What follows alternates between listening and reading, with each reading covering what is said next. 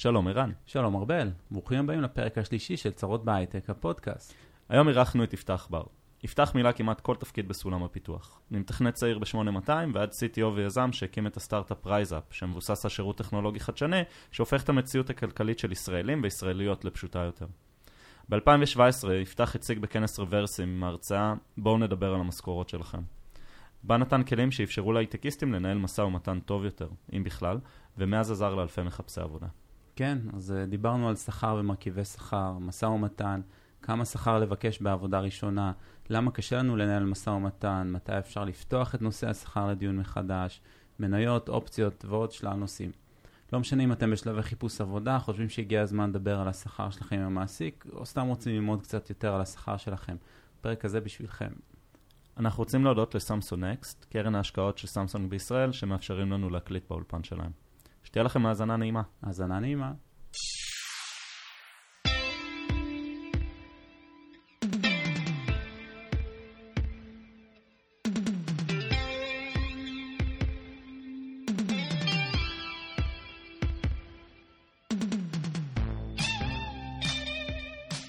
היי יפתח, שלום. איזה כיף שבאת.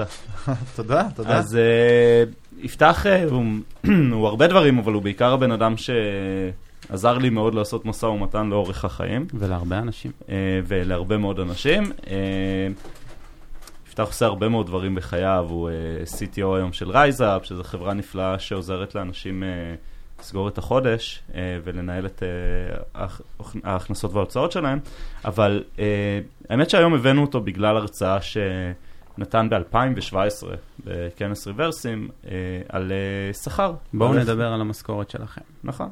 אה, ובעצם פתח, אולי בפעם הראשונה בצורה מאוד אה, גדולה, את אה, כל עניין המשא ומתן, את מה, איך מבקשים שכר, ובגדול זה הדבר שהכי מעניין את כל ההייטקיסטים. אה, אז יפתח, איך בכלל התחלת להתעסק בעולם הזה של משא ומתן וצריך וואי, זו שאלה מאוד מעניינת. אז אני אה, בוגר 8200, כמו שאתם יודעים, וכשהשתחררתי מהצבא אז ישר התחלתי לעבוד. היה לי תואר ראשון שעשיתי לפני הצבא, ואז אה, לא הייתי צריך לעשות תואר. אה, ובעצם יצאתי מהצבא עם אה, ניסיון מבוקש, כן, כולם יודעים את ה-bias של 8200 סביב ב- ב- ב- בקהילת ההייטק. אה, אז אה, בעצם התחלתי להתראיין, הלכתי לחברת השמה, התחלתי להתראיין במקומות. ואתה יודע, חברים שלך הם באותה סיטואציה, מחפשים גם עבודה. כולם מוצאים, אתה גם יודע מה השכר של כולם, נכון? אחד מרוויח ככה, אחד מרוויח ככה. אז היה משכורות אה, אה, יפות, אבל קצת שונות מהמשכורות של היום. על איזה אה. שנה אנחנו מדברים בערך? 2008. לפני, אה, כן, לפני 13 שנה כן. שהשתחררתי. אז אה, שכר של אה, 20 היה נחשב שכר אה, יפה מאוד. אה, ב-25 זה היה כאילו וואו. 25 של אז זה 45 של היום, הייתי מהמם. אומר. אה, אז, אה, אז זה היה משכורות פחות או יותר. אז עוד היה גם, אה, היו נותנים ליסינג וכאלה, זה היה יורד. לפני המס, אה, כן, לא, היה מס, אבל כאילו זה היה עוד נהוג, היום כן. החברות כבר לא נותנות את זה. בקיצור, אז, אז השתחררתי והלכתי לחפש עבודה, ו... והשוויתי מול החברים שלי כזה מה כל אחד משיג, ואני כזה כצעיר כזה עם אגו מנסה להשיג כמובן את הדבר הכי גבוה שאפשר. לא היה לי מושג איך עושים משא ומתן. למזלי, אבא שלי הוא איש מכירות uh, מפולפל מאוד, והוא פשוט uh, מאוד מאוד עזר לי, זאת אומרת, הוא הסביר לי הרבה מאוד עקרונות של איך לעשות את זה, הוא בעצם, ה... הוא, הוא עשה לי uh, את מה שאני עושה היום להרבה אנשים. הוא ממש ליווה אותי בתהליך הזה, והסביר לי מה צריך לעשות, למה זה כן בסדר להתווכח, מי יזכור, מה ומתי וכולי, והרבה הרבה, הרבה מאוד עקרונות שלמדתי היו משם. ואז כשהגעתי לשם, אני ממש זוכר את... Uh, אבא שלי מלווה אותי במשא ומתן ובשיחות בתוך החברה, שהוא פשוט מסביר לי, אה, הוא היה דוחף אותי בצורה מאוד מאוד אגרסיבית, אבא שלי עושה את זה בצורה אגרסיבית יותר ממה שאני עושה, אה, ממש כאיש מכירות מפולפל, זה, זה מה שהוא יודע לעשות. אה, היה דוחף אותי לקצה, זאת אומרת, לדברים שאני צריך לעשות. הגיע ממש לריבים לפעמים איתו. אבל העקרונות שהוא הביא היו מאוד נכונים, ונשארו איתי עד היום. ואז כשראיתי שהדברים האלה עובדים ממש אצלי בפעם הראשונה, אז uh, ביחד לשילוב של common sense כזה, של uh, נראה לי יש לי מלהבין קצת אנשים, uh, עזרתי לאנשים אחרים שהשתחררו מהצבא. איך, איך ידעת שזה עובד? אמרת הדברים עובדים. איך ידעת בפעם הראשונה שניהלת משא ומתן שכר? איך ידעת שזה עובד? קודם כל חשוב להגיד שאתם מכירים את זה שאתם פשוט שומעים משהו ואז it makes sense, כן. כאילו אתה שומע איזה עיקרון, ואז אתה כזה אומר, כן, זה, זה הגיוני שככה זה יהיה. אז, אז קודם כל כשעשיתי את זה, זה עבד, המשא ומתן. אני זוכר את פעם הראשונה, ביקשתי שכר מסוים, נתנו לי שכר אחר, ואז דיברתי עם אבא שלי, והוא אמר לי, "תב- פשוט, פשוט תבקש יותר. עכשיו, זו סיטואציה, מה זה מלחיצה למישהו כן. שהוא בפעם הראשונה מתמודד עם כן. שכר, ובוא, זה גם שכר שהוא לא, בצבא אתה מרוויח, אתה יודע, מספר אה, ארבע ספרתי כזה בקבע, שלוש ספרתי ב- בסדיר. אתה בילד בן 21, 22, אתה אין לך מושג כאילו. מרגיש חצוף. מה זה חצוף? זה כאילו, מה, אני אעשה כאלה מס- המספרים בכלל שדמיינתי שאין לי בחשבון בנק, לא. אתה יודע, זה לא דברים שאני בכלל... אה, אני, אני זוכר שבמשכורת הראשונה שלי אמרתי לעצמי, אני הולך להרוויח יותר מההורים שלי. נכון. אה, ואיך, אה, שלי שניהם כאילו אנשי חינוך, וזה היה כזה, איך אני בכלל מעז יותר משניהם זה? ביחד. כן, לא בראשונה, אבל... תלוי, אבל כאילו כן, אבל בסופו של דבר יותר משניהם ביחד. וזה הזוי. לפעמים גם בנטו, אגב, אה, בכלל... אה, ואז אתה ממש מרגיש חצוף, אתה כזה, איך. אני בכלל אה, כן. מעז? אז ואז, ואז אתה אומר, ועוד מישהו בא ונתן לי, אמר, אוקיי, קח הצעה, נתן לי, הצעה שהיא, טובה, שהיא יותר גבוהה ממה שאמרת, ועכשיו אני הולך להתווכח איתו, לא יודע, 2,000-3,000 שקל בברוטו, שזה יצא עוד איזה אלף ומשהו שקל בנטו, על איזה, מאיזה חוצפה יש לי לעשות את זה, ו, אמ, וזה קשה מאוד, ברגע האמת, אתה נותן לעצמך את כל התירוצים. כל התירוצים. למה לא? לא, לא צריך, כן. למה לעשות את זה, למה פה, למה שם. לא נעים. ואז אתה עושה את זה, וכשאתה עושה את זה בפעם הראשונה, וזה פידבקים שאני מקבל באמת מכל מי שאני מדבר איתי, אתה עושה את זה בפעם הראשונה, אתה, אתה לפעמים מקבל, לפעמים לא מקבל, זה לוקח, זה, זה באמת עניין של, של חמש שניות. מהמם. זה, זה להגיד שני משפטים. זה באמת, זה העניין, זה ממש, זה כאילו, זה קצת כמו, ל, לא יודע, אני כזה חננה כזה, קצת זה כמו להתחיל, להתחיל עם מישהי. אתה מוצא את כל התירוצים, למה לא ולא, ואתה צריך את הסיטואציה המלאה שאתה כאילו קטן. אה, אבל אז אתה, אם אתה עוזר את האומץ ואתה אומר את כמה משפטים האלה, אתה פשוט מבין שוואו, אולי זה היה קצת מביך, קצת לא נעים בכמה משפטים האלה. אני לא מאמין שאני מרוויח עוד 2,000 שקל בחודש, כאילו, בגלל זה, הכמה משפטים זה האלה. מדהים, כן, אני רוצה רגע לגעת בנקודה הזאת על כמה משמעות יש למשא ומתן, וכמה אפשר להשיג שם, ששנים אחר כך בקריירה יותר קשה להשיג את זה באותה משרה. אה, אז אתה יודע, בוא, בוא ניקח רגע זה, צעד אחורה, נתחיל מההתחלה. הגעת לרעיון עבודה, שלחת קורות חיים, אה, הגעתם ושואלים, מה, מה הצפי שכר שלך? אה, שאלה, שאלה כבדה וקשה. מה, מה, מה עונים? מה עושים? ו- וזה בטח משתנה בין מישהו שהוא כבר בדיוק. סיניור ויודע ל... אבל זה אה, תמיד אני- אני מצד המעסיק. כן, אני רק אגיד שזה, שזה אה, גם בהרצאה אמרתי, אחת, ההרצאה הזאת הייתה לי מאוד מאוד קשה לעשות אותה, כי המנעד של האנשים והסיטואציה הוא כל כך רחב, שלתת עצה כללית שהיא רספי זה מאוד מאוד קשה. אני חושב שמה שהצליח בהרצאה שעשיתי, שהצלחתי באמת אה, לתת רספי שמתאים כמעט לכולם. אבל כמובן שכל מקרה לגופו, אוקיי? וצריך מאוד מאוד להיזהר בסיטואציה הזאת שאתה לא נותן את העצה הלא נכונה. אה, אז, אז אתה שואל אה, בעצם עוד פעם, מה עונים על מה ציפיות השכר?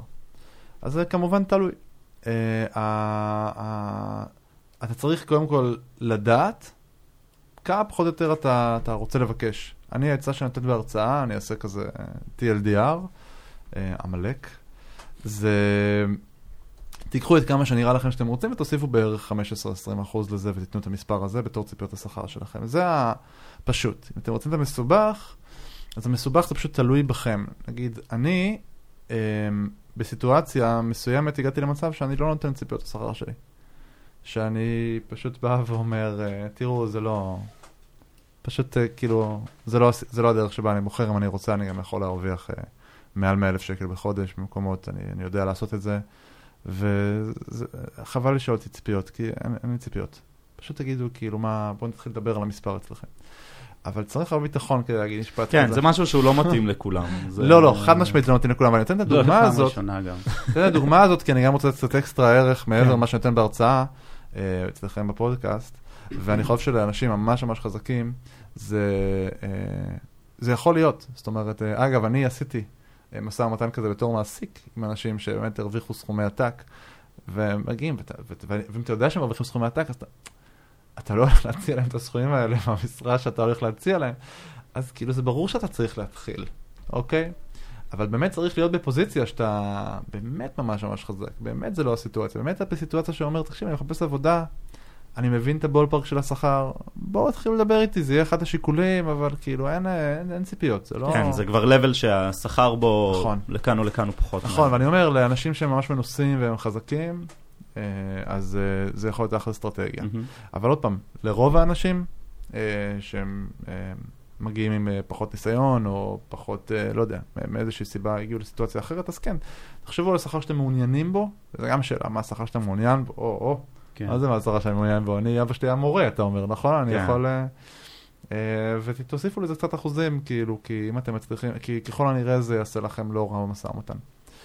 אה, אז זה- זו התשובה כאילו הגנרית, אפשר לדבר על זה עכשיו שעה, רק על אז, זה. אז איך לדעת מה, מה השכר שלכם? אז כאילו, יש המון טבלאות שכר, שכולנו יודעים שהן אה, מייצגות יותר או פחות. אה, צרות בהייטק עשתה סקר לפני כמה שנים, ואולי אנחנו חייבים כבר לעשות אחד חדש. אבל בעיקר, תבינו מה אתם שווים, דברו עם אנשים סביבכם, כן. תמצאו אנשים שאתם סומכים עליהם. מה מה אתה ש- חושב שהדרך הכי טובה בעצם בהקשר לטבלאות שכר? לשאול אנשים. לדעתי צריך להישאר, זה קצת כמו אקטואליה, או לא יודע, או אה, אה, אה, פיננסים, אתה צריך להישאר מעודכן באיזשהו אופן במה קורה, אחרת אתה כאילו מאבד את זה לגמרי. פשוט כאילו כזה, וואו, נוחת, כזה אין לך מושג, ואז צריך להשיג את הכל מאפס. זה, זה, זה, אתה צריך לשמור על הקשר הזה, צריך לשמור על הקשר עם החברים שלך, עם האנשים שאתה מכיר, להבין את הסביבה שלך, להבין מה קורה עם אנשים שאתה מעריך שהם דומים לך באיזשהו אופן, ומה הם עושים.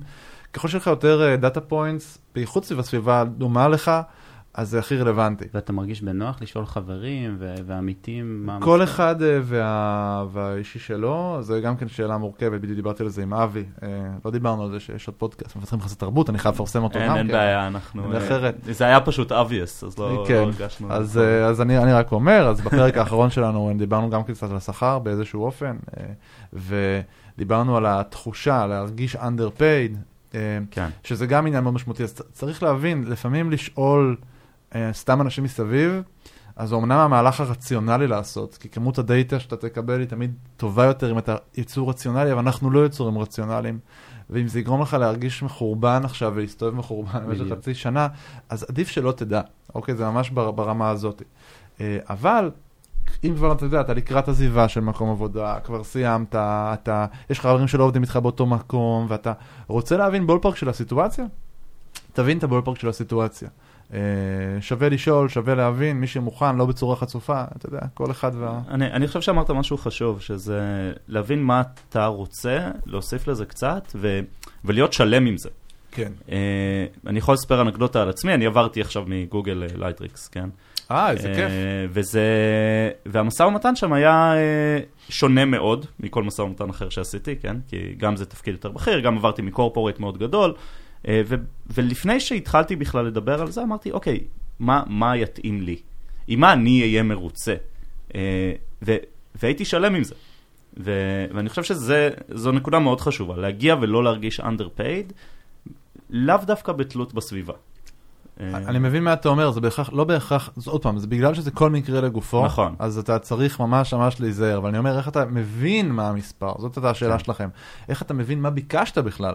אז אני אומר, אפשר להסתמך על השכר האחרון שלך, אוקיי? זאת החלטה, אפשר לעשות את זה, אה, אבל כדאי להישאר מעודכן במה קורה כן. מסביב. טבלאות שכר פשוט לפעמים לא מייצגות אותך. אגב, גם זה משהו, אתה מסתכל על ריישיו של טבלאות שכר שאתה קיבלת את ההצעה שלך, לעומת מה שקיבלת, ופשוט אם אתה עושה את ההעלאה באחוזים, מה היה בשנה שאתה הגעת לאיזשהו מקום עבודה וקיבלת למה המצב עכשיו, כן. אז אולי תבין מה באחוזים אתה צריך לשנות, אבל זה גם מורכב, כי אתה, אתה בעצמך משתנה, נכון? אתה הופך מהמם. להיות יותר בכיר, אתה, סליחה, אתה מנוסה יותר, אה, ואז אולי השווי שלך עולה, ובכמה הוא עלה. אני עכשיו, ממש עכשיו, איזה מישהו התייעץ איתי, אה, שלח לי הודעה, בכלל משרה שהיא לא פיתוח, תיאר לי היסטוריית שכר, אה, שכאילו הגיע למשרה ראשונה לא כמפתח, קיבל 15,000 שקל, משרה שנייה כבר 27,000 שקל, ועכשיו הוא מדבר על ציפיות שכר של 40,000 שקל. עכשיו, לא לא דיברנו כבר בכמה שנים זה קרה, אבל זה הזוי שאלה הקפיצות מהמם. בשתי משרות, זה כאילו, זה מטורף. אז, ו- ועוד פעם, והבן אדם הזה בא עם ביטחון, אה, ופשוט אה, ביקש, והוכיח את עצמו ככל הנראה, והבין שהוא יכול לקבל. והעלה את השכר באופן דרמטי בכמה שנים. אה, אז אה, אז בוא, אני לא יודע שנייה. להגיד, אתם יודעים, זה כן, צריך להסתכל אז- מסביב. רגע, זה, זו נקודה מאוד חשובה, שהקפיצה הגדולה בשכר שאתה מתאר היא תמיד בין משרות. כי זה תמיד שווה טיפה יותר כשאתה מחפש ברוב, עבודה, נכון? ברוב המקרים, כן. ברוב המקרים, בין זה תפקידים. בין גם? משרות. אני מכיר מישהו שהשכר שלו עלה ב-14,000 שקל, אה, פשוט מהעלאה. אז זאת אומרת, אוקיי. זה גם קורה, יכול... מהעלאה באותה חברה. מעלה באותה חברה, וגם, אה, כאילו, אני יכול להגיד שגם אני מכיר באופן אישי סיפור ש... אה, שמישהו באמת, אה, הוא היה underpaid, הב- הבינו שהערך שלו משמעותית יותר גבוה, ואז באמת העלו את השכר באופן דרמטי, כי אמרו, טוב, הוא פשוט, יש פה חוסר, חוסר הוגנות, הוא יושב על הבוקסה הלא נכונה ברמת שכר, והוא באמת נמצא ב-level הרבה יותר גבוה ממה שחשבנו. אה, זה גם יכול להיות במעבר תפקיד בתוך החברה, זה גם קורה. לפעמים זה לא רק עניין של סתם העלאה, לפעמים זה בתוך מעבר תפקיד. אה, אם הייתי, אה, לא יודע, מפתח ועכשיו אני מנהל, או הייתי מפתח ועכשיו פתאום אני CTO, או ארכיטקט, או לא יודע מה, אז לפעמים הדברים האלה גם כן משנים באופן דרמטי שכר.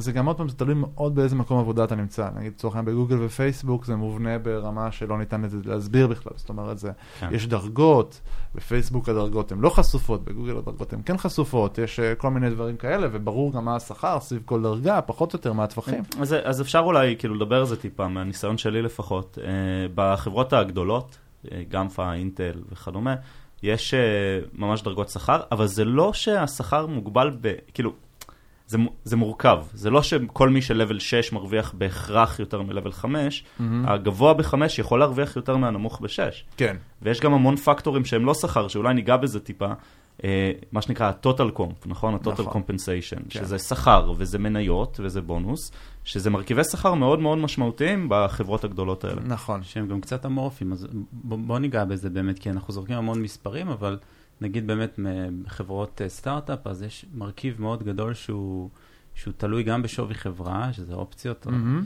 ואיך מתמחרים את זה. אוקיי, אופציות זה עולם שלם, כן? גם על זה אפשר לדבר עכשיו כן. שעתיים, Mhm. אני אנסה לתמצת את זה כמה שאפשר, אבל, אבל כמה דברים. אמ, בסופו של דבר כשאתם מקיימים אופציות, צריך להבין שיש לכם עכשיו, אתם בצומת של החלטה. או שאתם הולכים למסלול של לקחת את הבלו פיל במטריקס ולהתחיל להבין במה זה השקעות, הדבר הזה עובד באיזשהו אופן, כדי להעריך באיזשהו אופן את האופציות Mhm. שקיבלתם.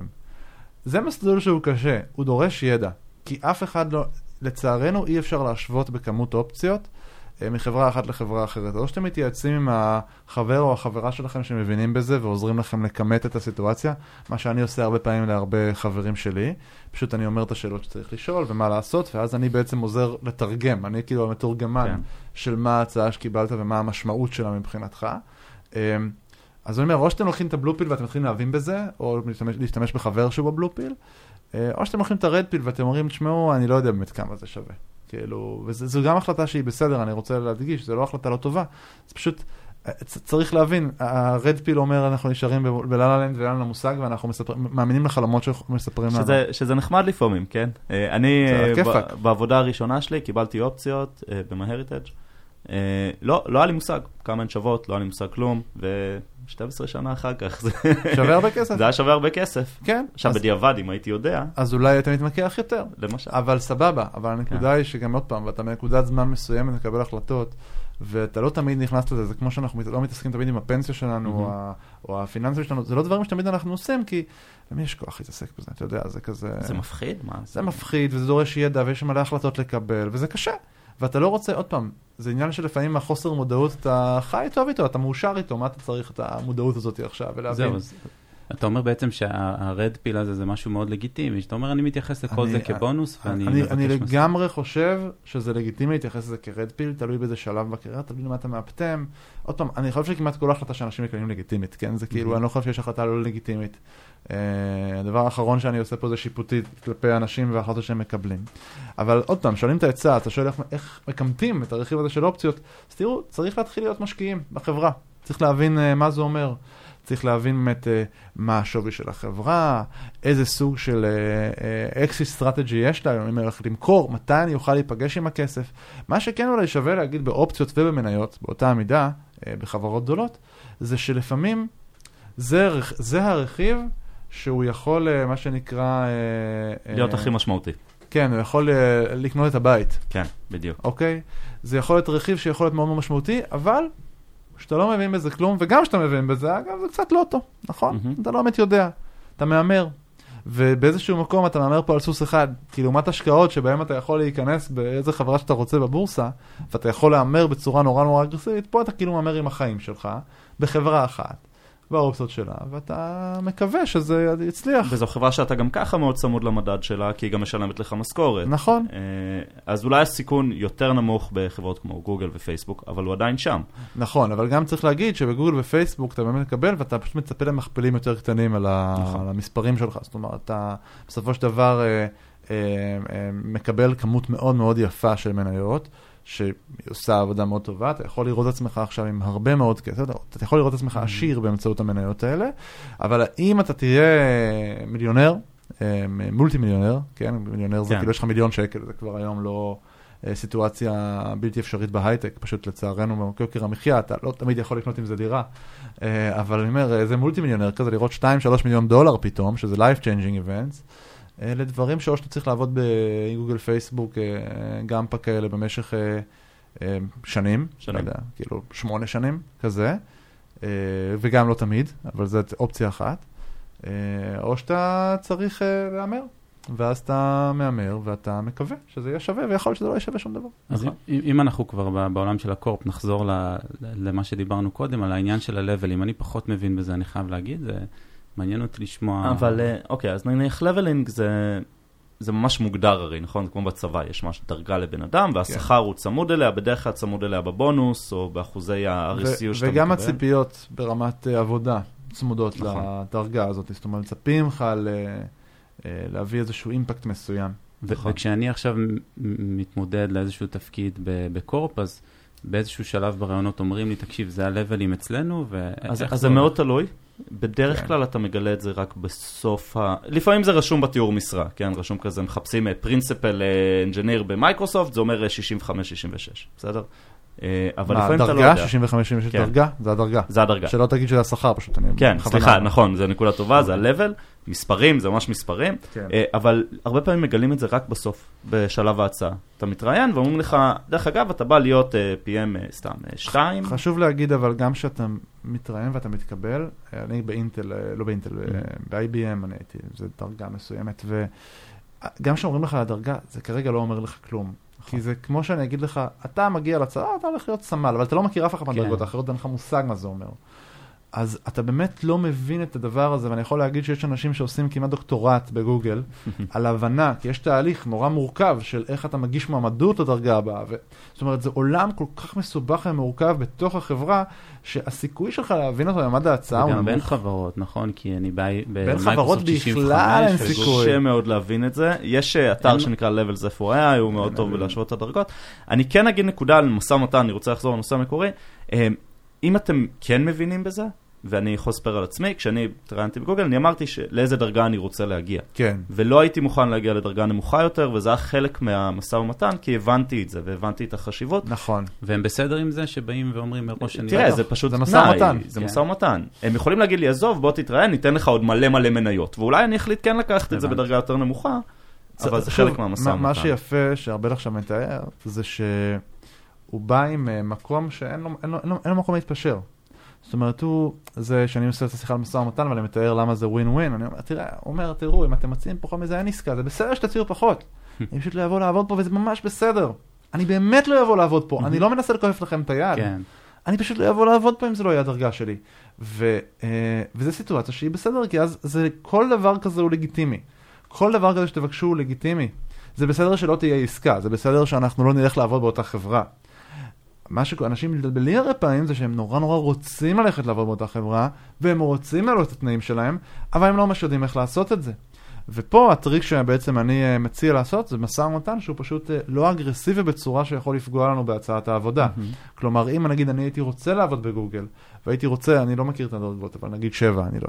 בוא נניח... שבע זה יחסית גבוה, אבל... סבבה, נגיד שאני רוצה דרגה שבע, mm-hmm. בסדר?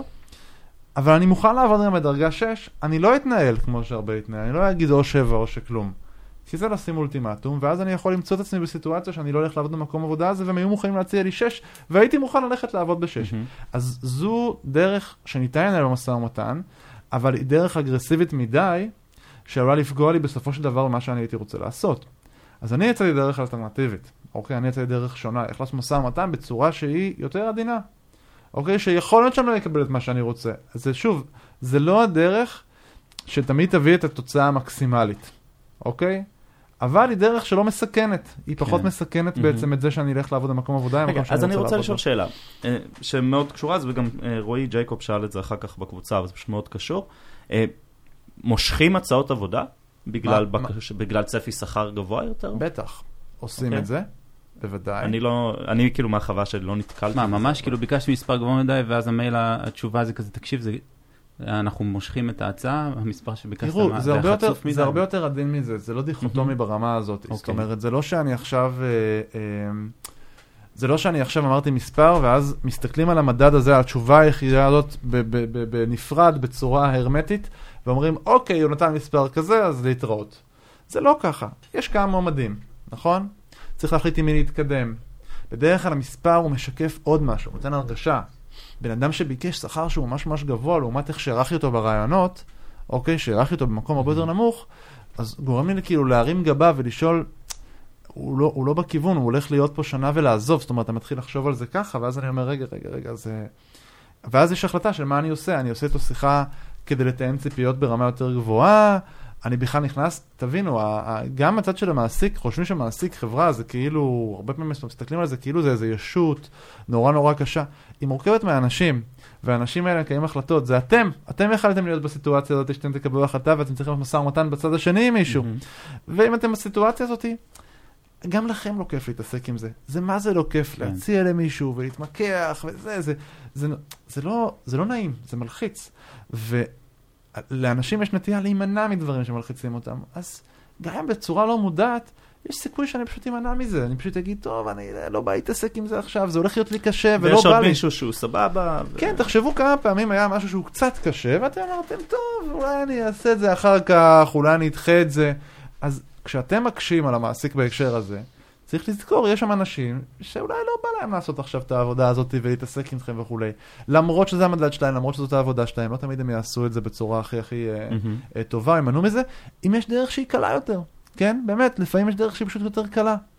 כאילו אם לא יעסיקו אתכם, אף אחד אחר בארגון יכול להיות שלא יראה את זה כל כך, וישאל למה ואמה וכולי. אז, אה, אז עכשיו, אני לא רוצה להבהיל ולהגיד, אל תיתנו אה, מספרים גבוהים, אלא אני אומר, תיתנו, תבנו את כל הסיטואציה במצב כזה שאתם, שאתם רוצ, נותנים מוטיבציה לצד השני להשתתף איתכם במשחק הזה של המשא ומתן. שאתם עומדים על רגליים אחוריות, נותנים דברים שהם כאילו מרגישים בלתי אפשריים לצד השני, אז הוא פשוט פחות ירצה להתאמץ, כי זה פשוט יותר קשה, אבל תנו לו את הדרך לבוא לקראתכם, תנו לו את התחושה כל הזמן שאתם באמת מעריכים את העבודה שהוא עושה, שאתם, שזה נעים לו לעשות איתכם אינטראקציה, גם בתוך משא ומתן. אז הוא ישחק איתכם יותר את המשחק, והוא יתאמץ יותר בשבילכם כדי לזוז. כן. אוקיי? עכשיו עוד פעם, אתה שואל, האם נותנים איזה מספר אה, סופר סופר גבוה, זה, זה שובר? זה ממש תלוי, כן? אתה רואה, אני אמרתי איך אני עושה משא ומתן, ואני אומר, חבר'ה, בואו, אני יכול לעשות גם מה שאני רוצה, אז בואו פשוט תיתנו את ההצעה. זה, זה, אמ, זו סיטואציה שאני יכול לעשות, ואתה יודע, הרבה פעמים אתה יושב בסיטואציה, נגיד, מול אה, חברה גדולה, במצב כזה, אז יבוא הבן אדם שיושב מולך, וכל מה שהוא צריך עכשיו לחלץ ממך זה מספר, הוא אחר כך חושב על השיחה שיש לו אחר כך לעשות עם מישהו אחר, עם האנליסט שכר. ואיזה ש- מספר הוא נותן לו. אז הוא אומר, הוא, אתה שומע, הוא שומע את התשובה שאני נתתי והוא אומר, "מה- לכתוב?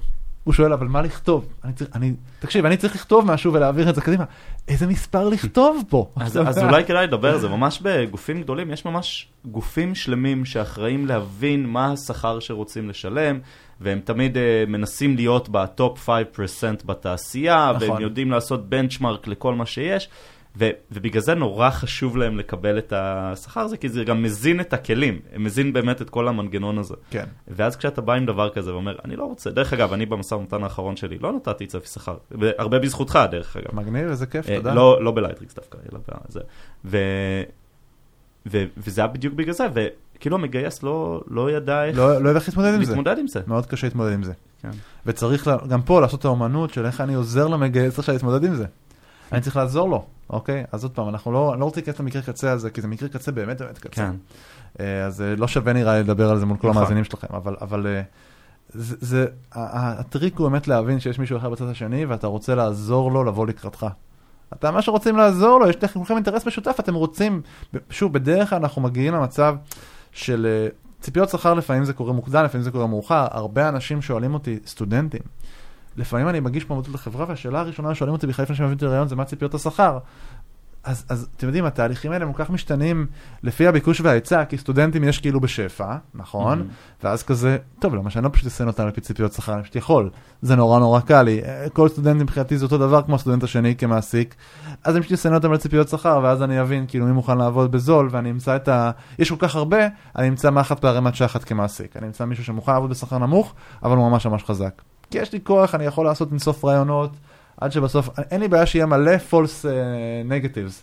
מלא אנשים ממש טובים שיכולו לעבוד פה, שלא קריטי לי, כי אני מוצא מספיק false positive, אני מוצא מספיק, uh, לא false positive, אני מוצא מספיק uh, פשוט אנשים טובים שכן יעבדו אצלי.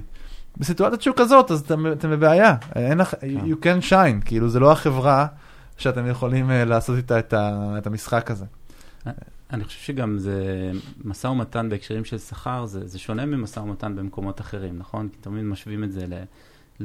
לבסטה או לשוק. זהו, כי, זה כי לא שם זה. אתה ממש... היחסים לא נגמרים כשקנית משהו והרגשת נכון. טוב, הם רק מתחילים, ודיברנו על זה עם גיא בפרק הראשון, גיא נכון. ממייקרוסופט, ואתם הולכים לעבוד ביחד, והמעסיק רוצה שתהיה מרוצה, אתה רוצה להיות, להרגיש valued. אז... נכון, אתה צודק במאה אחוז, בגלל שזו סיטואציה כזאת, אז באמת יש עוד אינטרסים. אתה אומר, אני רוצה לעבוד, אבל, וזה אבל מאוד מאוד גדול, אני כן רוצה להילחם בהרגשה הזאת שלא נעים לי. לא נעים לי Mhm. לעשות, הנה, דווקא בגלל זה, נכון. שאנשים לא נעים לי. כי אחר כך יהיה לך הרבה יותר לא נעים לאורך הרבה יותר אתה זמן. ככה מרגיש, אבל, כן. אני, ואני אגיד משפט שהוא חשוב. היחיד שיזכור את המשא ומתן שעשיתם, היחיד זה אתם. אף אחד אחר לא יזכור את זה. כן. אוקיי? אתם יודעים למה? כי ברגע שמישהו העסיק אותך בסופו של דבר, עשית לו את המוות. הוא התאמץ ממש ממש קשה. ואז הוא השיג אותך. יש לו תחושה עילאית. הוא לא מרגיש איך כופפת לי את היד, בגלל זה לא כיפוף ידיים.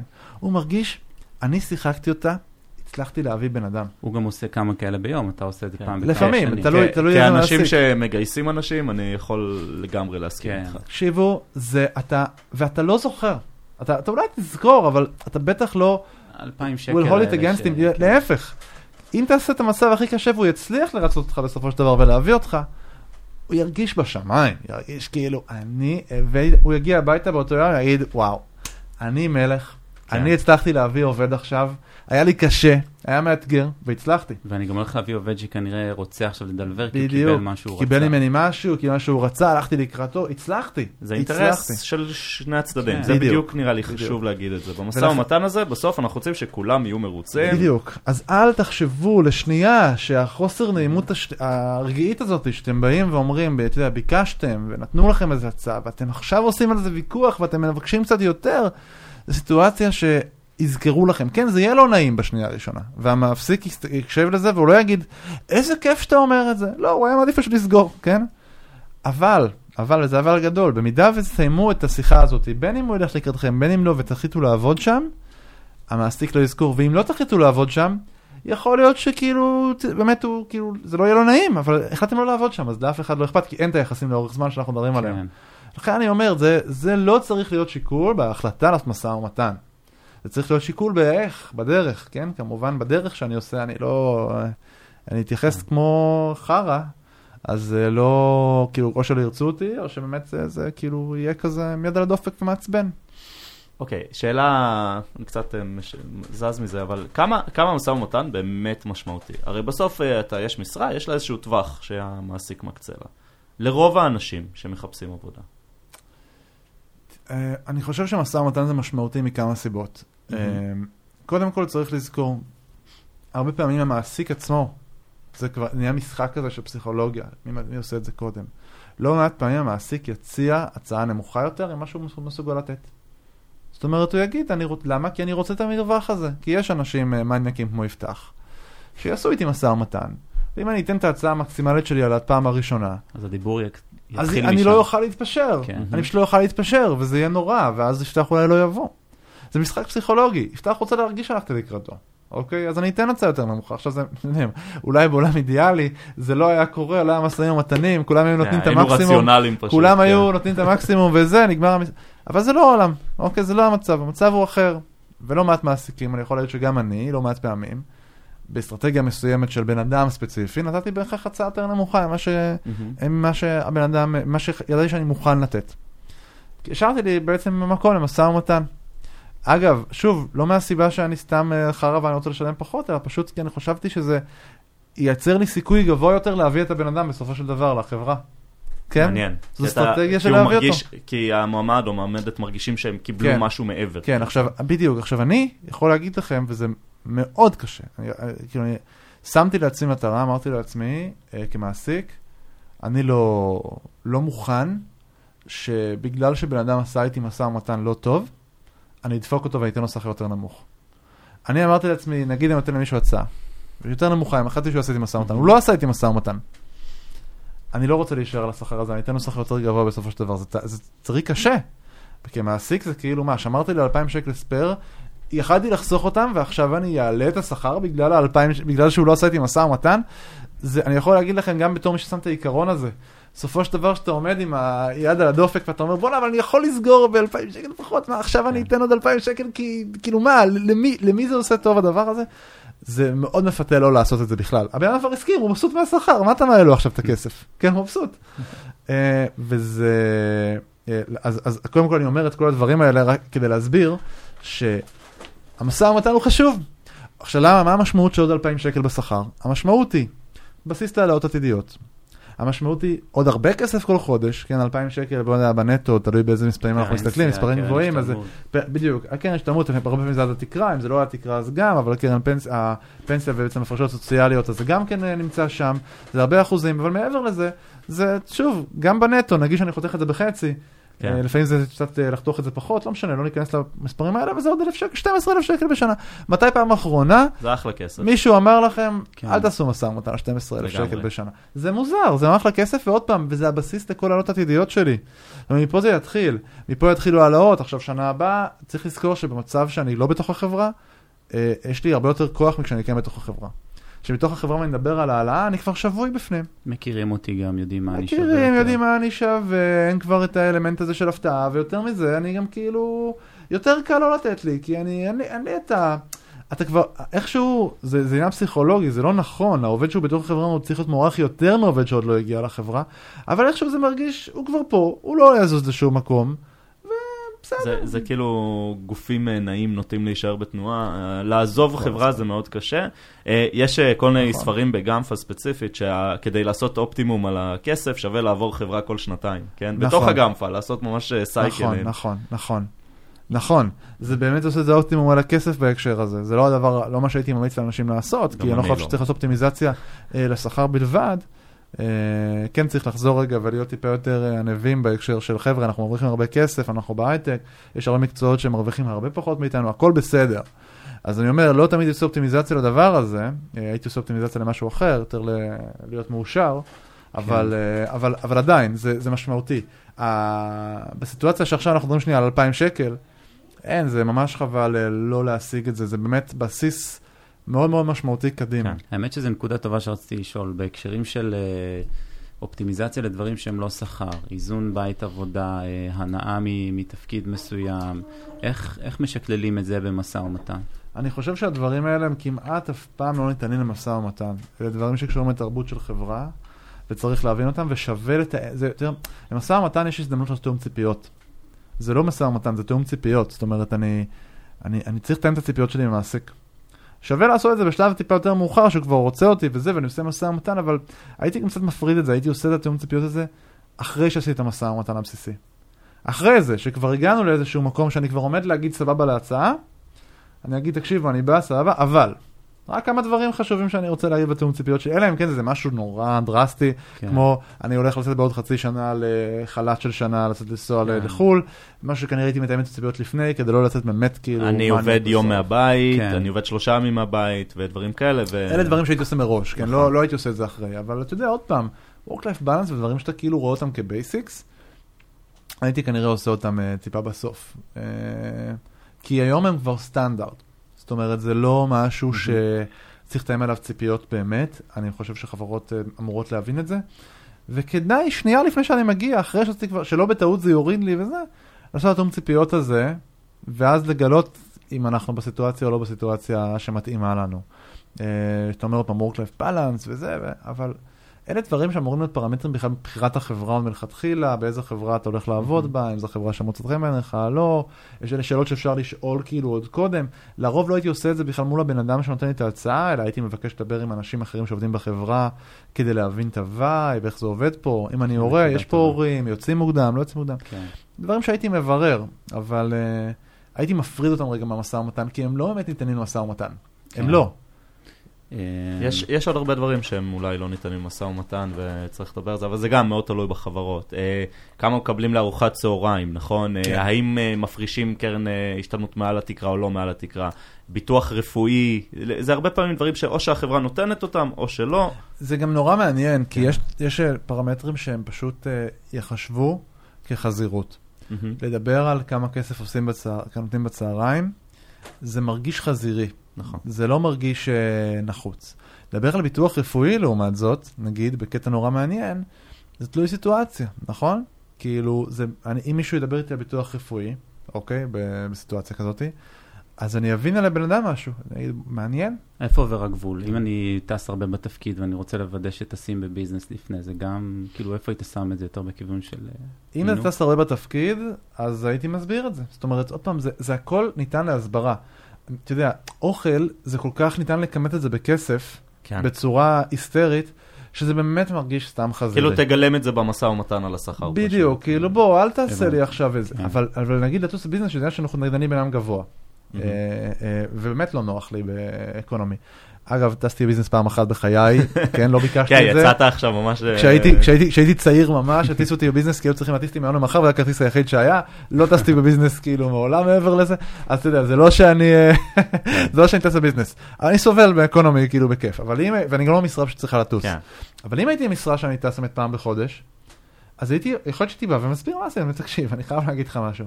זה, אני יודע שזה כסף וזה, אבל שמע, זה, זה משהו שאני סובל ממנו. וזה באמת חשוב לי, זה לא קטע של פרסטיז'ה, זה חשוב לי על האמת. אבל אם אני עובד אה, באמת באיזו חברה שאני צריך לעשות פעם בשנה ואני סתם שואל, תשים פה business, כן. אז זה כאילו מרגיש כזה שאני הייטקיסט שבא בשביל התנאים, נכון. וזה מה שאני הולך לספר גם לחברים שלי בבית אחר כך, אני הולך לספר איזה מגניב, תשים ב business. כן, זה לא הסיבה שאני רוצה. להעסיק ש- שדרך אותך. אגב, יש חברות שנותנות דברים כאלה כדי שתספר בבית, וזה בסדר, זה נכון. מתחבר אולי לפרק נכון. הקודם על employer גם יש חברות שנותנות את זה בסוף כי אתה טס אה, טיסת לילה וצריך להתחיל לעבוד אה, נכון. מיד עם זה, זה מאוד עם לגיטימי, הנחיתה. זה מאוד כן. לגיטימי, אבל זה פחות לגיטימי נכון, לבקש כן, את כן, זה. לא, ההבחנה שעשית היא מאוד מדויקת. אמ, יש לי שאלה לגבי, יש לי הרבה שאלות לגבי השנה האחרונה, כבר קצת יותר של הקורונה, אבל שאלה, שאלה ספציפית זה האם, האם אתה חושב שיש שינוי בעניינים של משא ומתן כשה, כשהמדיום השתנה נקרא לזה, נגיד שיחות משא ומתן שפתאום עברו לזום אחרי שהם היו כל הזמן פנים מול פנים? כן, כן, אני חושב שחד משמעית יש משמעות, כי אני חושב שכל אה, האומנות הזאת של משא ומתן היא אומנות של, אה, אה, של קשרים, של כאילו ליצור מערכת יחסים עם בן אדם, להסתכל בן אדם בעיניים. אה, אני אתמול הלכתי ונתתי הצעת עבודה למישהי, אה, ונסעתי אליה, נסעתי אליה ליד הבית, ישבתי איתה בבית קפה ונתתי לה הצעת עבודה פנים מול פנים, לא בטלפון, יכלתי לעשות את זה גם בטלפון. אה, כמעסיק. כמעסיק. כי אני חושב שיש לזה משמעות, אני חושב שמייצר טראסט הרבה יותר גבוה, שאתה רואה מישהו פנים מול פנים, מהמם. אתה רואה את התנועות גוף שלו, אתה רואה את הבעות פנים שלו, אה, אה, זה משמעותי בעיניי. אתה, אתה, אתה משדר הרבה יותר אמון, אתה מייצר הרבה יותר אמון והרבה יותר אה, אה, חיבור כשאתה עושה את זה פנים מול פנים, מאשר בזום, או מאשר בטלפון, או באימייל, או דברים שפשוט יכולים להיות הרבה יותר קרים. אז זה לא שאני אומר שבהכרח תמיד צריך לעשות את זה פנים מול פנים, ממש לא. פשוט אומר שיש לזה משמעות, זה יש לזה משמעות כן. בכל מיני סיטואציות שונות. יש סיטואציה שאני בכוונה אעשה את זה בטלפון. אה, אני כאילו לא יכול לכמת את זה, אבל זה עניין של להרגיש את השטח ולהבין אה, באיזה מדיום להשתמש עכשיו כשאני עושה את זה. כמו, אה, אני אוהב להשוות את זה תמיד ל- ליחסים בין בני זוג, של... אני כשהייתי קטן, ממש, כזה מתחת לגיל 20, אז היינו עושים עוד אסמסים, עוד לא היה וואטסאפ, היינו עושים אסמסים. והיה קטע שלי להסתמס עם, אה, עם מישהי כזה, והיא כתבה לי ככה, והוא כתב לי ככה, והייתי יושב עם החברים שלי וכזה כן. מה לכתוב לה. והקטע הזה של ערה, נכון? כולנו מכירים את הערה, זה לא עובד פנים מול פנים. זה עובד במדיום של אס.אם.אס, אוקיי? אז צריך להבין מה מתאים למדיום הנכון, כן. כאילו, בסיטואציה, וגם פה יש פה איזשהו ריקוד שצריך לרקוד אותו בצורה נכונה. לשלוח וואטסאפ עם סטיקר, אה. ביקשת יותר מדי, כזה. יש, בדיוק, יש, יש דברים שכדאי לעשות אותם פנים מול או סטיקר פנים. של צרות בהייטק נכון. ישר. חייב, חייב. יש דברים שכדאי לעשות אותם פנים מול פנים, יש דברים שכדאי לעשות אותם בזום, יש דברים שכדאי לעשות אותם בטלפון, זה ממש כל דבר שמתאים למדיום שלו. אה, מעולה. אמ, עוד שאלה נוספת שהייתה, זה העניין של שוק ישראלי מול שוק בינלאומי. אני מניח שאתה יודע, בישראל אנחנו יותר נוטים להתמקח בכללי, למרות שמדובר במתכנתים ואנשי הייטק, אבל עדיין נוטים יותר להתמקח. אתה מזהה איזשהו הבדל? אתה יצא לך אה, לאפיין את השוק המקומי או השוק הבינלאומי בהקשרים האלה? מאוד קשה לי לאפיין את השוק הבינלאומי, כי לא, לא יצא לי אה, להשתתף הרבה, הרבה במשאים ומתנים כאלה, יצא לי איזה פעמיים אנשים שהתייעצו איתי, אבל, אבל לא הייתי בפרטים, זאת אומרת, הייתי נותן את העקרונות הבסיסיים, אבל זה גם, זה כל כך עניין תרבות ואופי ואיך עושים, הניואנסים של המשא ומתן, עוד פעם, זה, זה עניין תרבותי. להבין איך אני מבקש, מה המילים שאני משתמש בהם, אה, איך אני משדר את המסר הנכון למעסיק שלי, וגם על מה להתמקח. נכון, בארצות הברית השכר, מדברים עליו בכלל בצורה שנתית, והוא מורכב, הרכיב שלו של בונוס הוא הרבה יותר גדול Mhm. בדרך כלל ממה שיש בארץ. אה, כאילו בונוס בארץ הוא באמת בונוס, שם בונוס זה כאילו, זה זה כמעט קצת כמו שעות נוספות בארץ. זה, כאילו- זה גם מאוד תלוי בתפקיד, נכון? אנשי מכירות, הבונוס הוא חלק מאוד משמעותי מהשכר שלהם. כן, אנשי מכירות אגב בדרך כלל פשוט לא צריכים את העזרה שלי במשא ומתן. זה גם נקודה. אבל אה, אני- רק אומר, בדרך כלל הם יודעים לעשות את זה יותר טוב ממני, אבל... אבל הם אה, גם עושים את זה עם אנשים שהם... נכון, עושים את זה גם. אבל כן, אבל הם עושים את זה במשחק שלהם, ויש להם את כן. הטריקים שלהם, וכן, עובדים על commission, הרבה פעמים על עמלות, בצורה אחרת, אבל זה לא הנקודה, אני דווקא כן רוצה לדבר שנייה על אה, מפתחים, אנשי product ואנשים במקצועות היותר פשוטים, של- שבונוס בארץ לרוב הוא מין רכיב אקסטרה, שבהרבה חברות כמו הגמפה, הם- רכיב ממש מהשכר, זה כשלא נותנים את זה זה ממש ממש נדיר, כן. אבל... אה, וזה מאוד קשור לפרפורמנס שלך. נכון, זה כן קשור לפרפורמנס, אבל שוב, בארצות הברית זה כמעט לא. מהמם. זאת אומרת, זה כמעט כמו שעות נוספות בארץ, זה משהו שכאילו, הוא אשכרה חלק מהשכר.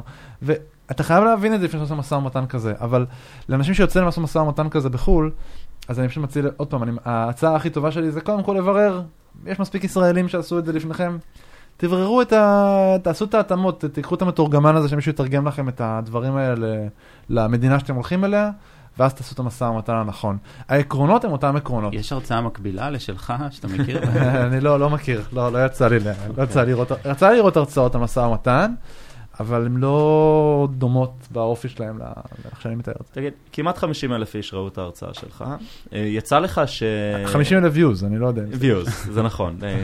אה, 10 אלף מהם זה רק אני, זה אני, אני רואה את זה כל הזמן. אני לפחות אה, שש. כן, ארבע. אה, יצא לך כמישהו שמגייס אנשים לפגוש מישהו שראה את ההרצאה? זה לא, כאילו, אני אין- אני יכול אין- לדמיין את הסיטואציה ואני נורא, אני הייתי מפחד. כן, משקשק. אין, אין כמעט מישהו שמגיע אלינו ולא ראה את ההרצאה, למעשה אני מאמת אותם על זה בדרך כלל. שמו אותך כבן אדם שעושה את המשא ומתן מהצד שלנו. תראו, כאילו, אני, אני פאונדר בחברה, כן. ואנחנו חברה קטנה של כ-40 עובדים, אז אתה יודע, זה, אני מן הסתם מכיר כל הצעת עבודה שאנחנו נותנים. אה, גם חשוב לי להכיר, אני גם אה, מדבר עם כל בן אדם שמגיע לעבודה. אה, אז אתם יודעים, אז, אז זה קיים, זה לא שזה לא קיים, אבל אני חושב שיצרתי עוד איזשהו ברנד אמיתי של, של הוגנות ואינטגריטי, Mhm. ואני יודע למכור את זה בצורה טובה. והנה, אמרתי לכם עכשיו את העיקרון הזה של איך אני מנסה לא לדפוק אנשים בקטע שלא עושים משא ומתן, משתדל במקסימום. ו... ואני באמת יכול להגיד שאני הוגן, ואני חושב שאני מצליח לשדר את זה, אגב, פנים מול פנים, לעומת, לעומת אה, בטלפון. אני מצליח לשדר, לשדר את ההוגנות הזאת, ואני חושב שאנשים סומכים עליי בהקשרים האלה, אה, שאני באמת עושה את המקסימום, וזה בא לידי ביטוי, זה כאילו, ה- אני יכול להגיד שבחברה שלנו משא ומתן הוא...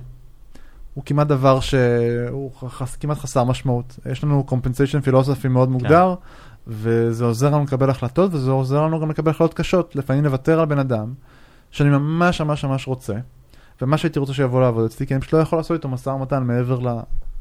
כאילו, ממה שהגדרת. מה שהגדרתי.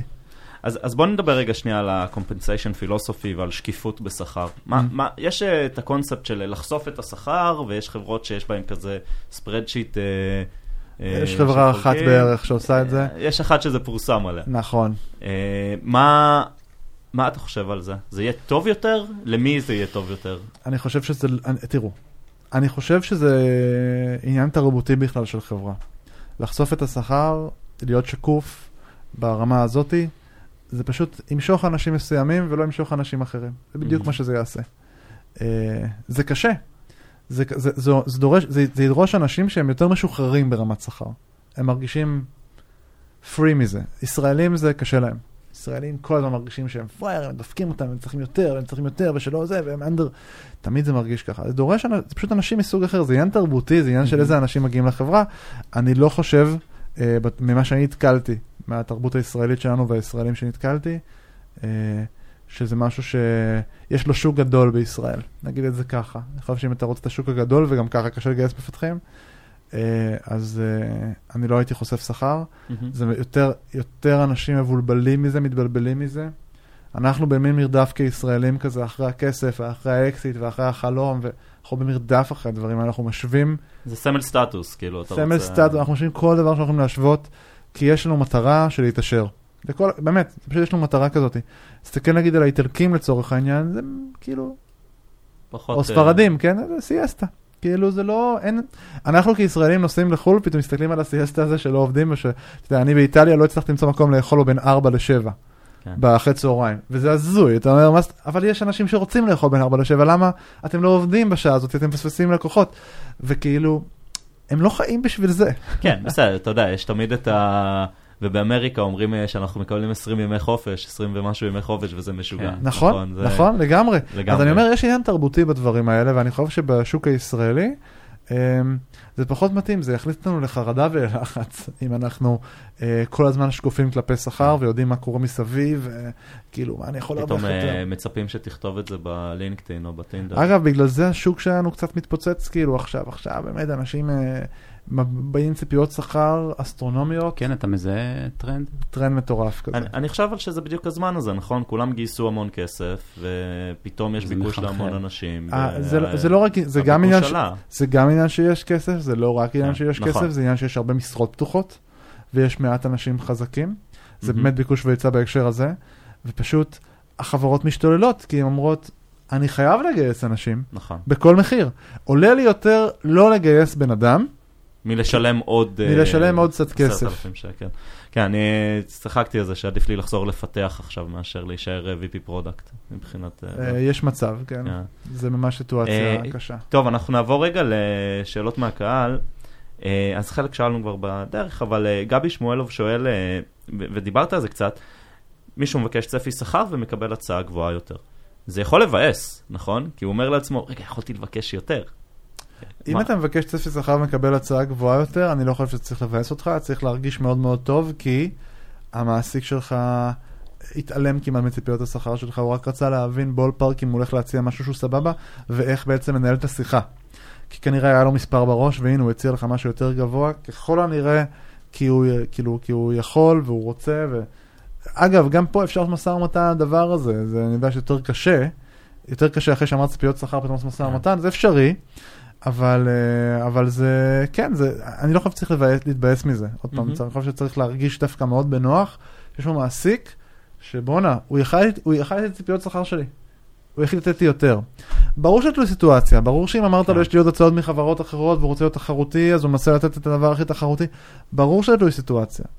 אה, אבל uh, אני חושב שצריך להרגיש מאוד טוב עם זה שביקשתי ציפיות שכר וקיבלת יותר, זה אומר שיש מישהו שרואה אותי יותר טוב ממה שאני uh, רואה את עצמי.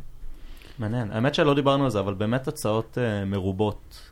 Uh, אני, כן היו לי כמה הצעות, uh, שוב, לא בחברה הנוכחית, אלא קודם, ואני מרגיש שזה מאוד עוזר. מאוד עוזר. גם מול החברה... ללכת לחברה אחרת בעצם, ולבקש הצעה רק בשביל ה... לאו כן. דווקא. לא, לא, כאילו... אני, אני חושב שכן. אני חושב. אוקיי. שכדאי להתראיין בכמה מקומות במקביל, כדאי לקבל כמה הצעות. זה לא כדי רק לעשות קלף, זה בונה את הביטחון.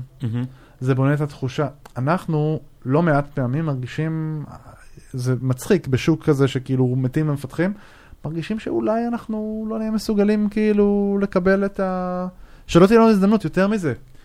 אתה גם נכנס למומנטום, כשאתה מחפש עבודה יש מומנטום מסוים. נכון. אתה מתחיל להתראיין, זו תקופה קשה, אתה צריך להיות כל הבסיס שלך, אתה יודע, אני הייתי, הייתה תקופה שהייתי עושה שני ראיונות ביום, אתה, אתה יודע, זה שעתיים ושעתיים, או לא משנה משהו כזה, אתה חוזר, אתה מותש, אתה רוצה רק לישון. כי אתה, יש לך שעתיים, אתה צריך להיות בשיא שלך. כן. בשיא שלך במקסימום מרוכז, מפוקס, זה מאוד מאוד קשה. עכשיו, זו תקופה שאתה לא יכול למשוך אותה עכשיו הרבה חודשים. אתה רוצה למקבל את זה גם כי אתה אומר, אני אתכוונן עכשיו באיזושהי תקופה, זו התקופה שבה אני אעשה יותר כושר, נגיד הוא יעשה כן. יותר את זה. נתראיין בכמה מקומות כדי שנגיע כמה הצעות שאני לא אצטרך עכשיו. כי מה קורה בסוף? אתה עושה, אתה מגיע להצעה אחת בלבד, ואתה לא הכי מרוצה ממנה, אז אתה אומר, טוב, אני בכלל, מה, עוד פעם אני לא יש אתחיל את התהליך הזה? עוד פעם. כן. אני לא אתחיל אותו, אני לא רוצה את זאת, זה מבאס, זה רע. אז גם בשבילך, שוב, זו עצה כללית לרוב האנשים. יש אנשים שזה לא מתאים להם, זה בסדר. אבל אה, למקבל זה דבר שהוא טוב. תגיעו לכמה הצעות למקביל, תגיעו למקום של לקבל החלטה כאילו בסוף, אה, לה- זה יבנה לכם את הביטחון, תראו שאתם, יש לכם כמה הצעות על השולחן, ופתאום אתם, אתם employable, זה סבבה, זה לא איזה חברה שעשתה לכם טובה שהעסיקה אתכם, ואז תהיו הרבה יותר חזקים, המשא ומתן פסיכולוגית, פסיכולוגית יהיו יותר חזקים. כן. זה הסיבה שאני ממליץ לעשות את זה. לגמרי, אני רק הת- התכוונתי שאני מעדיף להתראיין במקומות לא רק בשביל ההצעה, אה, בדיוק, אלא כן. אני תמיד עדיף, יכול- זה בסדר שיש favorite, אבל תמיד עדיף להתראיין במקומות שאם בסוף תעבדו שם, תהיו מרוצים מזה באמת. כן, אני כן רוצה להגיד אבל שאם אתם רק מתחיל וזו הפעם הראשונה שאתם כן. מדברים על המשא ומתן וכאלה, אז תשתפשפו על חברות, גם בכלל בכל תהליך הרעיונות, תשתפשפו על חברות שאתם לא בהכרח רוצים לעבוד בהן. זה בסדר. עכשיו זה, זה כאילו, זה לא מוסרי, מה, אין לי אינטנט לעשות, יש כל מיני, כן אפשר, אבל זה, זה בסדר. זאת אומרת, אפשר לעשות כן. את זה, זה לא דבר כל כך נורא. כולם לומדים מכל התהליך הזה של רעיונות, גם אתם, גם המעסיק. אתם צריכים לזכור, אתם נותנים למעסיק הזה הזדמנות לשכנע אתכם. יש אנשים שהלכו להתראיין במקום שחשבו שלא רוצים לעבוד, כן, ובסוף הלכו. לעבוד בו. בסוף אתם נכון. יכולים... כן, אה, אז כאילו, בואו, זה לא, לא כן. צריך... אה, אני, אני ממליץ. לכולם שאם אתם מתחילים תהליך רעיונות, תגיעו איתו עד הסוף. גם אם אתם מחליטים באמצע שאתם לא רוצים, תלמדו, תתש, תשתפשפו במשא ומתן, תקראו עוד אה, חוזה. אם שוב, הגעתם- אם הגעתם כבר לשלושה מקומות עבודה ואתם הולכים לבחור ביניהם, אז אין כן. סתם לבזבז עכשיו על עוד, אתם כבר בסוף. נכון. אבל כן, אני מסכים שאתם התחלתם תהליך ואתם עדיין לא בסוף, תמשיכו אותם, אין סיבה שלא. להמשיך אותם, אה, אלא אם כן באמת אתם יודעים, זאת לא חברה שיש סיכוי בחיים שתעבדו בה, ואתם מרגישים שכל אינטראקציה איתם אתם רק רוצים כן, אה, רוצים רק לברוח. לנתק. או שדרך אגב, יש לפעמים שמקבלים הצעה שאתם פשוט לא יכולים לסרב לה. זה גם מעולה. כן. אה, שאלה נוספת מהקהל, אנונימית, אה, מישהו שואל, אני כאדם על הרצף האוטיסטי, קשה לי לנהל משא ומתן, מה אני יכול לעשות? וואו, הלוואי והייתי יכול לתת עצה קונקרטית לסיטואציה. אפשר גם לשאול את זה בצורה כללית יותר, זאת אומרת, אני אדם עם, עם איזה שהן מגבלות סוציאליות כלליות, קשה לי, אני, אני מבין שיש את ההרצאה שלך שהיא מיישרת קו קצת, אבל אני חושב שהטריק זה למצוא באדי, כאילו זה מה שאני, מהמם. זה, עוד פעם, אגב, זה, זה לא הטריק, זה עצה שאני אתן, אני מקווה שהיא תתפוס. Uh, תמצא מישהו שילווה אותך. אני ליוויתי כמה אנשים, כמה וכמה אנשים עם משאים ומתנים, זה ממש, לפעמים אני, אני אומר מה המשפטים להגיד, הבן אדם יכול להתאמן עליהם לפני שהוא אומר אותם, הוא הולך לשיחה, הוא אומר את המשפטים, הוא זוכר מה נאמר לו, חוזר הביתה, מדבר איתי בטלפון, אנחנו מבינים מה השיחה הבאה. ממש ו- להתאמן. לא רק להתאמן, אבל אני אומר, תן לבן אדם אחר לעשות את כל החשיבה, ואתה תעשה רק את הפרפורמנס. זאת אומרת, אתה רק מגיע ואומר את הדברים שאמרנו שתגיד. אתה לא מנהל, הטריק שלי שאני אומר בהרצאה, לעשות משא ומתן בצורה אסינכרונית ולא סינכרונית, זה זה. זה ללכת, להגיד כמה משפטים, ואל תגיבו לשאר הדברים, תחזרו, תחשבו על זה, תיקחו את המועצת אה, חכמים שלכם, זהו, אתה. נותן שם דוגמה שמישהי הולכת לשירותים, כן. אפילו בזמן אמת כן, מתייעץ. זאת מישהי שעובדת אצלי עכשיו. כן, מדהימה. אז ממש ככה, זה, זה פשוט היא הייתה בשיחה, ואשכרה אמרה, אתה עומד רגע פיפי, הלכה, אמרה, הוא אמר ככה, הוא אמר ככה, זה מה לעשות וזה. אמרתי, אוקיי, תעשי זה, תעשי זה, זה, זה עבד, זה עבד טוב. אני אני לגמרי אתקשר אליך במשא ומתן זהו, הבא. זה, זה, זה קצת גם נוח בעולם של זום, כי בן אדם אולי שקשה לו לעשות את זה, יכול להביא את הבאדי הזה שישב בצד וישמע את הכל. ו... אה, כן, נכון. או שישב בצד, או שתקליט את המסך, לא דרך זום, אפשר להקליט את המסך. בדרכים אה. אחרות. כי לא יודע כמה זה חוקי, לא חוקי, לא רוצה להיכנס כן. לזה, אבל כן, אבל ברמה העקרונית, הייתי רוצה... אה, אני אגיד לכם מהניסיון שלי, זה לא תמיד נחוץ להיות כדי להרגיש את הניואנסים, אלא בדרך כלל, שוב, אני לא סגור על הרצף האוטיסטי, ולהבין, אתה יודע, סיטואציות, זה באמת בעיה שאני אני לא מסוגל, אה, מהמם. אני, לא מוכשר כדי לעזור לה, אבל ברמה העקרונית, בדרך כלל, מה שאני מכיר זה שאנשים כן קוראים את הסיטואציה בצורה הגיונית, הם אומרים מה הבן אדם השני אמר, ואם מי שמלווה אתכם מבין בזה, אז הוא גם מבין מה המשמעות של מה שהבן אדם השני אמר, ועוזר לנתח את זה ולעשות כן, את זה. כאילו יש איזשהו פרוטוקול שכדאי אה, להבין כן. ולהכיר. אה, טוב, שאלה אחרונה, אה, גם אנונימית, ואולי דיברנו על זה טיפה, על משא ומתן בתוך החברה. כן. אני עובדת בחברה, מרגישה שמגיע לי יותר, אני שווה יותר ממה שמרוויחה. איך איך ניגשים לדבר הזה? אז תשמע, בפרק האחרון שעשינו מפתחים חסד תרבות, אה, בקטנה האחרון שלנו, אז ממש דיברנו על הנושא הזה, אז כאילו, אני, פה זה, אני חייב לפרסם את זה ולהגיד, אוקיי. צריך להקשיב לפרק הזה, כי דיברנו על זה במשך איזה 20 דקות, אה, רק על הנושא הזה. אני אתן את ה-highlights בסיפור הזה. אה, אז אני אמרתי דבר כזה, צריך לשתף את זה עם המעסיק. יש פה עניין של הרגשה. אנחנו לוקחים את זה ישר למשא ומתן. אנחנו עוד לא בשלב הזה למשא ומתן. אנחנו כרגע בשלב של יש לי משהו שמעיק עליי, שמפריע לי, בחיים. כמו שהייתם משתפים לצורך העניין את המנהל שלכם בזה שחלילה אה, יש מחלה קשה במשפחה, יש סיטואציה עם הילד, אה, כאילו, סיטואציה אישית בעייתית, שעלולה להשפיע באיזשהו אופן על העבודה שלי, גם פה יש משהו שאני מסתובב איתו שמשפיע על העבודה שלי, ואני רוצה לשתף את ההרגשות עם המעסיק. זה חשוב שהוא ידע, אוקיי? ולא צריך לפחד שאחר כך היחסים יהיו לא נעימים ו... זו שאלה של איך עושים. אוקיי, זה לא שאלה. אם אני בא בדרישות, אז היחסים יהיו אולי לא נעימים. אוקיי. אבל אם אני משתף, ואני בא ואני אומר, אה, תקשיב, ארבל, אה, אני רוצה לשתף אותך בהרגשה שיש לי, שאני מסתובב איתה כבר זמן מה. אני עוטף את זה. כשהגעתי לחברה, הכל היה ככה וסבבה, ואני נורא אוהב את העבודה, ותשמע, וטולי וזה, אבל אני... משהו גרם לי לאחרונה להרגיש שאני... אני לא בטוחה שאני מוערכת מספיק, אני לא בטוחה שאני מקבל את השכר שמתאים לי, והייתי רוצה לשאול אותך קודם כל, אם באמת זו הסיטואציה, כאילו, אם, אני, אם ההרגשה שלי היא נכונה. לפעמים המעסיק מרגיש את זה גם. לפעמים המעסיק פשוט אומר, אני יודע שזה המצב. אם מרגישה ככה זה לגיטימי, גם אני מרגיש ככה. אני פשוט עומד לתקן את זה בככה וככה זמן, זה, אני רוצה שהיא תחזיק עוד... ויכול להיות שהמעסיק אומר, תקשיבי, את באמת לא עושה את העבודה, את לא טובה כמו שאת חושבת, כאילו, סתם בקטע. כן. ו- ושווה שתדעי את זה, או, תקשיבי, הציפיות שלך, אולי את יכולה להשיג את זה בחברות אחרות, אבל פה זה לא יקרה אף פעם. ואז, יש פה בכלל עניין של תיאום ציפיות רגע. אנחנו עוד לא מדברים על החלטות, על עזיבה, על אני רוצה יותר שכר. אנחנו מדברים על התחושה כן. שלעובדת יש כרגע מול המעסיק, וחשוב שנהיה aligned על זה. בדרך כלל כשאני מרגישה משהו, זה בעצם אומר שיש איזשהו חוסר alignment ביני לבין המעסיק. אני יכול להגיד לכם שאצלי בחברה יש עובדים שהם מרגישים underpaid, אוקיי? אבל השיחה בינינו פתוחה. הם יודעים מה המצב, אם מרגישים ככה, למה זה, אם זה ככה בחברה שלנו, במיוחד שאנחנו משלמים פחות, או שהם בסיטואציה ספציפית, מה אמור להיות הצפי קדימה באיזשהו אופן, כאילו לאיפה הדברים האלה ילכו, האם תהיה סיטואציה, גם אם אין לי מודעות לזה, גם אם אני לא אומר, אני לא יודע מנהלי משכורות באופן רחב נגיד לכולם, אז אני אומר, אני, אני באמת לא יודע עדיין, אני לא יודע, אני מצטער, חוסר ודאות, אני מבין, אבל אני, אין לי את התשובה. אולי כן ואולי לא, אבל אני, אני לא שם. עכשיו, התיאום ציפיות הזה הוא קריטי, ואני חושב שהוא קריטי עבור העובדת, זה יגרום לה להרגשה הרבה יותר שלמה. היא תדע איפה. הבעיה האמיתית שהיא מתמודדת איתה עכשיו, יש לה איזה חוסר ודאות כזה.